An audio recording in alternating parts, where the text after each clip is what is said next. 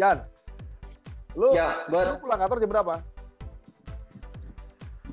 gue pulang jam 4. Nyampe rumah jam? Jam, ya jam 5 lah. Oke, sekarang udah jam setengah 8 kalau temen lihat. Berarti lu udah mandi dong?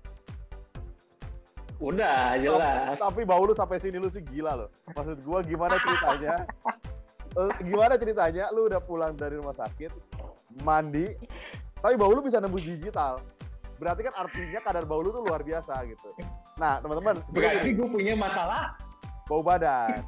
Bukan. Nah, nah teman-teman, Adrian tuh tadi bilang ya kita bahas topik apa ya? Bilang bau badan deh. Terus gue bilang nggak mungkin, karena lu kan pelakunya. Gimana mungkin pelaku bisa mengakui dia bau badan dan dia mau ngasih solusi? Lu nggak bisa nyelesain masalah lu sendiri maksud gue. Jadi gue bilang wah nggak mungkin nih. Ini topik pasti nggak valid kalau begini. Iya dong. Enggak, Bu. Jadi Sobat Healthy, eh, sebenarnya masalah bau badan ini adalah hal yang sensitif. Sensitif banget. Oke. ya kan? Kadang-kadang mungkin si penderitanya itu nggak ngerasain bau badan sama sekali, tapi ngerasain adalah lingkungan sekitarnya. Iya Nah, benar. satu- Pasti di Ya, bener sekitarnya kan, bener kan? rasakan. Nah, nah masalah yang paling banyak terjadi adalah belum tentu semua orang bisa mengutarakannya. Betul, make sense. Nah, karena ini sensitif, karena ini sensitif banget. Nah, tahu gue tuh ada ada ada trik-triknya caranya tuh ada yang misalnya memberikan hadiah parfum, ada yang memberikan hadiah makan gitu, ya. Nah, ada juga tau gue yang ngajakin temennya bikin podcast temanya itu gitu, dengan harap dia temennya sadar. Tapi gue gak tau siapa gitu, gue gak nyebut Ya, ya, gitu. ya. Ya ya ya. Enggak, di, di sebelah gue ini ada orang yang mau denger ceritanya sebenarnya. Jadi di sebelah gue ini, dia nggak kelihatan aja. Gila. Oke, Bu. Jadi, eh lu punya pengalaman nggak tentang kisah bau badan ini? Yang zaman SMA orang yang deket-deket lu kan karena lu bawa badan itu, itu nggak dihitung kisah. Ya, Enggak, tapi tapi dulu gue bawa badan. Gue tahu, gue nggak confident sebetulnya dulu. Jadi Hmm. gue pakai segala macam cologne dan dan parfum dan segala macam, tapi bau itu melekat. Adek gue juga lagi bawa badan sekarang. Gue rasa itu itu ya hormon ya. SMP SMA itu emang hormonalnya bau badannya tinggi sekali kayaknya. Abis itu udah hilang dengan sendirinya sih. It's gone aja gitu. Iya tetap lu Tapi- pakai ukuran, tapi gitu. Tapi gue yakin semua orang, termasuk adik lu saat ini, dia pun bau badan, nggak pernah kan didatengin sama RT jika ada mayat disimpan di rumah. Kayak kasus lu Enggak. waktu itu.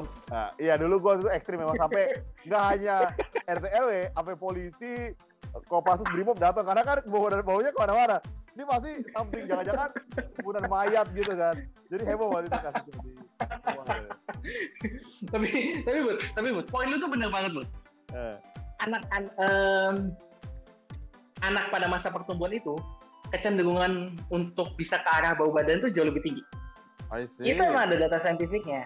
Hmm, Nah, yang pertama itu karena dia kelenjarnya itu baru mulai aktif, Bud. hmm, Namanya juga kan masih hormon masih masa pertumbuhan kan. hmm. Kelenjarnya menjadi lebih aktif, lebih lebih produktif, ya. Nah, dan ada satu faktor lagi biasanya anak-anak yang masih masa pertumbuhan itu banyak di antaranya masih belum menge- mengerti tentang grooming. Apa? Grooming. Grooming, perawatan diri. Oh, I see. Oke. Nah, jadi jadi kayak, kayak simpel aja ya. Misal kita kita yang udah bekerja, kita kita yang udah eh, punya pengalaman bersosialisasi duluan, biasanya kan kayak standar penggunaan adalah deodoran atau mungkin penggunaan kolon, parfum bagi perempuan, body lotion gitu. Sehingga otomatis memang kita udah ngerti cara grooming. Nah, anak-anak yang masa pertumbuhan itu selain kelenjar lebih aktif, mereka juga mungkin kalau sekarang udah agak udah agak ini ya, udah agak trennya udah mulai maju gitu. Mereka udah mulai mengerti ini. Tapi kalau misalnya anak-anak pada zaman dulu kan mereka banyak belum mengerti grooming. Itu alasannya kenapa pada saat remaja itu masalah bau badan itu biasa baru mulai muncul. I see. Dan per- pertanyaan gua, lah lu setelah grooming masih bau ini gimana? Kan lu udah gede nih maksud gua. Kok bisa gitu? Enggak, enggak, Gua, ya. gua, gua, gua, gua, yang gua salahin sih bakterinya, Bu. Enggak, enggak, enggak, enggak. Gini, gini, maksud gue gini. Apakah dengan grooming itu selesai? Maksud gua, atau itu merupakan sebuah bau badan alami yang nggak bisa hilang? Maksud gue gitu loh, lu ngerti kan? Kan ada orang yang, gua kata apakah dengan lu mandi, lu misalnya pakai deodoran, apakah bisa langsung hilang atau atau tetap nggak bisa gitu pertanyaan gue? Nah, kita kalau mau bicara kayak gitu, kita cari tahu dulu buat penyebab bau badan itu apa sih nah Lu lu boleh cerita. jadi Lu kemarin gimana tuh meneliti diri lu sendiri? Cerita aja, enggak apa apa sebenarnya. jadi buat bau badan itu sebenarnya nggak lain penyebabnya itu sebenarnya adalah bakteri juga ujung-ujungnya Hmm. bakteri itu mampu mengubah eh, zat keringat zat yang ada di dalam keringat kita itu berubah menjadi zat asam. Nah, zat asam ini yang ngeluarin baunya jadi nggak enak.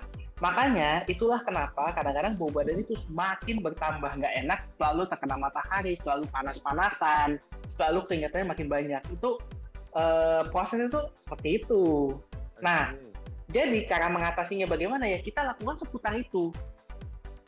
Oh, ah, Contoh, yang pertama, tadi gue bilang keringet semakin banyak, ya kan? Otomatis berarti kalau misal pada saat keringetan, kalau lu ngelap keringet lu, terutama di daerah-daerah yang seperti selangkangan, di daerah eh, ketiak, nah itu akan lebih mengurangi potensi terjadi bau badan. Kalau lu rajin ngelap pada saat terjadi keringetan.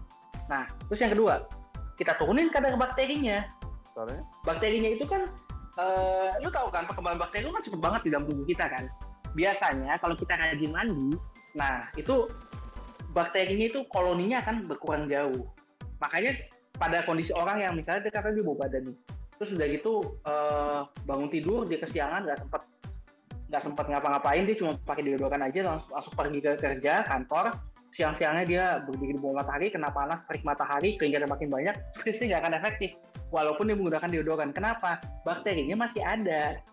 Gitu. Kalau misalnya oke oke setelah itu yang terusin terusin terus.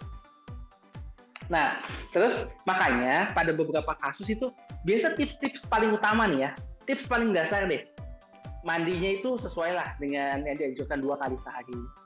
Nah, pada saat lu mulai keringetan, itu langsung dilap. Kapan pun, kapan pun. Jadi kita berusaha mengurangi jumlah keringat yang ada di daerah-daerah tertentu yang bisa menimbulkan bau. Yang tadi gue bilang, ketiak, selangkangan. Nah, terus yang ketiga, eh, usahakan kalau memang orang itu punya masalah bau badan, kalau bisa jangan ada bulu ketek. Wah, sih. Jadi lebih bagus dicukur, dicukur karena rambut itu sendiri itu juga menjadi tempat eh, apa eh, bersemayam gitu ya bakteri-bakteri yang ada di sana dan juga biasanya itu eh, bau badan itu lebih susah dihilangkan kalau memang dia ada masalahnya itu. I see. Nah, yang ketiga, yang keempat, biasanya mandi ini menggunakan sabun-sabun antibakteri. Ini untuk kasus-kasus yang biasanya sudah sangat mengganggu banget. Tapi ini opsional, gue sebut. Kenapa? Karena nggak semua orang cocok dengan sabun antibakteri. Hmm. Gua gua tanya dulu, entar entar. Sabun an- sabun antibakteri dan ini bukan an- bukan bukan antibakteri itu apa? Maksud gua apakah ya khusus atau kan banyak sabun yang di, di pasaran ya kita nggak sebut nama lah ada ada Hmm. banyak sabun apakah dia ada tulisannya antibakteri gitu maksud gua atau atau apa aja eh sebenarnya sih kalau misal lu mau pakai sabun apa pun ya itu pasti klaimnya ada antibakteri. makanya benar. Iklannya aja iklannya kayak gitu. Tapi ada sabun khusus yang memang eh, ya gua nggak kada eh, ya kita sebut nama lah em, dodol. Nah Ah, lu tahu oke. kan yang warnanya Tahu. hijau? Ah Oh, itu. oh, nah itu kan kalau klaimnya adalah dia lebih lebih agresif dalam membunuh bakteri melenyapkan bakteri. Dan itu betul. Tapi nggak semua orang tuh bisa cocok dengan formulanya pada orang dengan kulit sensitif malah kecenderungan jadi lebih kering akhirnya dia nggak bisa pakai produk itu I see. Iya iya iya. Itu kan Gitu. itu kan sabunnya keras banget. Dodol itu kan sabunnya keras banget kan sebetulnya. Ya, Setahu gue makanya. Iya. Oke. Oke, gue paham. Yan, kalau gitu berarti solusinya mahal sekali dong. Maksud gue Hmm? gini. Berarti kan untuk orang tinggal di daerah tropis mesti pindah ke daerah puncak. Dia harus beli rumah baru di daerah puncak untuk menghindari keringetan. Yang kedua, dia harus punya kamar mandi yang bagus sehingga dia betah mandi berlama-lama di kamar mandi. Maksud gua, lu sebagai dokter gimana ya kan pendengar kita nggak nggak mungkin orang bisa beli rumah di luar kota. Kok lu ngasih ide tuh, Bo yang bijak gitu loh maksud gua. Yang ketiga yang nggak yang nggak masuk akal. Ini juga lu nggak masuk akal nih. Lu ngelap di daerah yang ketiak sama selangkangan. Emang lu pernah lihat orang sambil jalan terus ngelap selangkangannya dia? Kan nggak mungkin maksud gua. Itu juga nggak logis sih. Gua nggak ngerti ya teman-teman ya. Ini loh alasan kenapa gua nggak percaya-percaya banget sama dia. Karena nggak logis banget ngasihnya. Gua, gua aja partnernya aja nggak ngerti solusi apa sebenarnya yang dia ceritain itu. Bud, Ah, Bud, lu pernah ke WC nggak sih? lu tahu nggak di WC itu ada daerah kubik, ya bilik, tempat lu bisa ngelakuin apa pun yang lu mau di dalamnya tanpa dilihat orang. Oke oke oke. Lu mau buka tuh cara dalam yang basah, lu putar-putar sendiri sampai kering gitu. Iya iya. Ya, bentar bentar bentar. Bentar bentar. Gua gua harus cut sebentar situ. Tapi kan gini ya. Yang bau itu kan biasanya orang nyium dari bau badannya bukan dari selangkangannya. Emang relate ya? Emang ada orang dari selangkangan terus dia bau, selangkangan lu bau nih. Kan gak ada ya. Biasa kata gue bau ke gua. Emang kalau gitu emang. Lu gak masuk akal emang. Lipatan, Bud. Lipatan, lipatan. See. Lipatan. Jadi eh, kita tubuh kita tuh punya dua jenis kelenjar. Nah, jenis kelenjar yang satu itu namanya kalau nggak salah aktin, apa ekrin, itu dia ada di sekujur tubuh, eh, di, di sekujur tubuh kita. Nah, ada satu lagi namanya apokrin. Apokrin itu dia ada kandungan sedikit lemaknya. Nah, itu cuma ada di daerah lipatan-lipatan. Oh, I see. Gitu. Itulah kenapa eh, di daerah lipatan tuh cenderung biasanya lebih eh, berpotensi, bilang potensi gitu. Karena eh, ya seperti kata lu sih nggak pernah ada yang nyium. Buat selangkangan juga sih itu. gue juga nggak tahu sih gue. Tapi teorinya ada di sana gitu. I see. Oke, Yan, gua gua stop dulu sampai sini. Yan, eh, ma- mari gua nanya eh, sesuatu soal bau badan. Lu sebagai tenaga medis pernah nggak ada orang datang masalahnya bau badan ke dokter? Maksud gua pernah ada nggak sampai kasus dia ke dokter bau badan? Ada, ada. Hmm. Jadi eh iya ini ini sebenarnya termasuk salah satu yang gue bilang tadi ya. Eh, kadang-kadang agak sulit juga sih bagaimana cara kita memberitahu orang tersebut gitu. Tapi kebanyakan yang datang ke gue itu adalah sudah masalahnya itu udah mereka udah nyobain berbagai macam cara.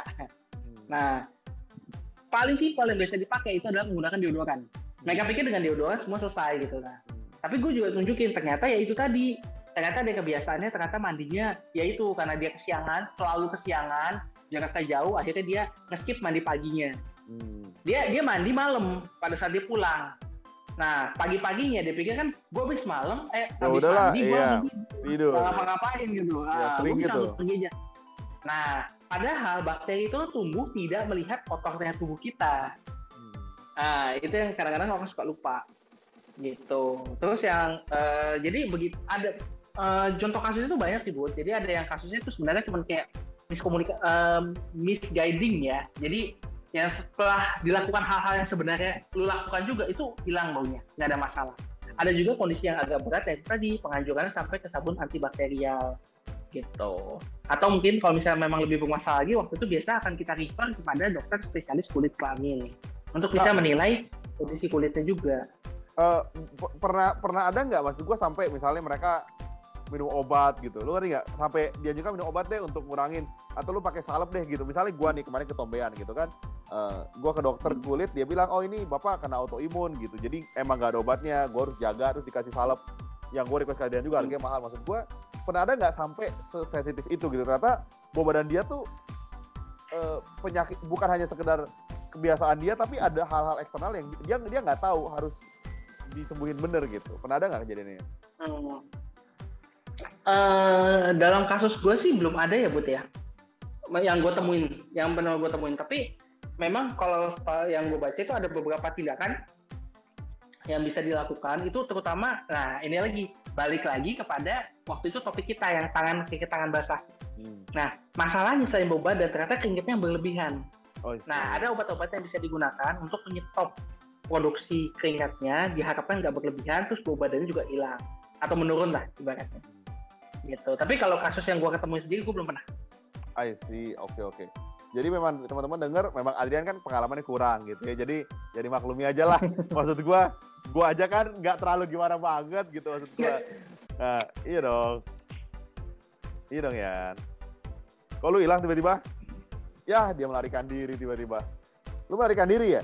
Karena lu karena lu Ya, mengakui ya. lu bau badan terus lu hilang ya. Ya udahlah, maksud gua akui aja maksud gua nggak usah sok-sok freeze gitu nggak usah maksud gue. Nah, Pada- sok-sok nge-freeze lagi. Pad- Padahal sihnya bagus, cuma gue diem.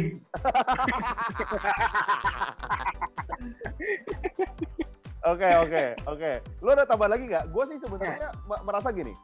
Eh, ini tuh biasanya, eh Yan, gue gua nggak tahu ya, correct if I'm wrong ya. Em, kondisi bau badan biasa dialami sama kaum laki-laki. Waktu zaman dulu gue SMP, perempuan jarang lah ya bawa badan. Mungkin ada satu orang. Laki-laki kayak kalau di kelas tuh habis olahraga deket tuh laki-laki tuh kayaknya bau semua tuh kelas. Gua jadi pusing gitu. Maksud gua karena gua juga salah satu tapi tapi bener nggak maksud gua laki-laki lebih banyak cenderung karena tanda kutip uh, lu ngerti gak? Karena emang keringetnya berlebihan ya suka olahraga, istirahat suka main bola. Apakah Hmm. faktor itu atau emang laki-laki secara umum memang badannya akan lebih bau gitu? Aktivitas sih, Bud. Eh, laki-laki itu kan memang cenderung lebih beraktivitas lebih tinggi daripada perempuan gitu. Nah, dan tambah lagi biasanya ya, ini tapi ini boleh koreksi gua gitu. Tapi biasanya perempuan itu dari kecil udah diajarin grooming nggak sih dari Oh, iya. orang tuanya? Oh, iya, iya, iya. lah, dikit-dikit lah. Iya, iya, Pakai body lotion dikit-dikit. Iya, bener. pakai pakai kolon atau apa gitu. Jadi memang eh, dari dari dulu sih gue juga emang nggak pernah ya ada bayangan perempuan tuh bau gitu. Iya. Kalau laki-laki kan maksudnya iya gitu. Nah itu juga jadi penting. jadi sebenarnya kuncinya itu perawatan diri sendiri sama ya itu sih. Berarti bagaimana cara grooming yang standar aja. Tapi ada beberapa ketentuan nih Bud. Jadi ada beberapa kondisi eh, yang bisa menyebabkan bau badan itu lebih parah. Yang pertama adalah lu makan makanan yang bisa menyebabkan bau badan. Nah, Oh, ada ya? ada bawang, bawang-bawangan. Bawang. Tapi itu juga biasanya bawang, bawang bawang merah, bawang putih. Tapi itu kalau dikonsumsi dalam jumlah yang benar-benar banyak banget, itu bisa bikin keringatnya juga makin bau. Hmm, oke. Gitu. Nah, terus yang kedua, makanan-makanan yang bisa menyebabkan lu keringetan. Contohnya, misalnya kafein, minuman beralkohol, itu dia memacu produksi keringatnya juga. See. gitu jadi itu sebagai catatan aja sih jadi kalau misalnya memang eh lu punya masalah tentang itu jadi lu ya entah gimana ya merasa badan lu lebih bertambah selalu memakan makanan tertentu bisa aja itu memang benar gitu karena memang ada zat makanan tertentu yang bisa nyebabin bau badan meningkat gitu. Selain selain itu juga ada tontonan juga. Misalnya nonton bokep kan lu deg-degan kan. Kayak lu ketakutan atau enggak, lu suka keringetan. Berarti makan bawang satu, dua eh, apa tadi? Makanan apa tadi? Oh, makan yang pedas bikin lu keringetan. Yang ketiga nonton bokep gitu. Jadi tiga itu dikurangi lah gitu. Bener ya sebenernya ya? Iya dong, kan lu yang bilang produksi keringet berlebihan. tapi lakuinnya di bilik WC ya ya kalau di bilik makin panas Jadi teman-teman thank you banget udah support kita. Eh, kita akan bawain terus mitos-mitos topik-topik kesehatan yang mungkin eh, bisa dibilang banyak orang yang tahu nggak tahu gitu atau bahkan turunan-turunan turunan kata mama saya kata mama saya akhirnya kita coba untuk pecahkan di sini.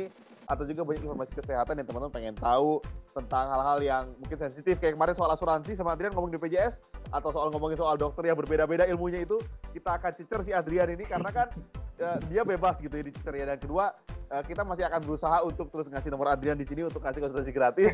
Doain terus aja dukung kita terus. Dan kalian boleh lah komen-komen dok kapan dok? Dok kapan dok? Nomornya dok? Gitu. Nanti kalau gue baca komentarnya mungkin satu video bisa seribu gitu ya request upnya nanti gue akan taruh. Dengar atau persetujuan dia langsung gue masukin sekalian di sini aja. Ada tambahan ya dari lo Oke, nah jadi kalau misalnya memang ternyata ada ide-ide yang menarik nih tentang penyakit-penyakit yang mau dibahas atau apa pun itu, boleh cantumin aja di kolom komentar. Eh, jadi sampai kita ketemu di episode selanjutnya. Stay healthy. and stay alive bye bye Bye.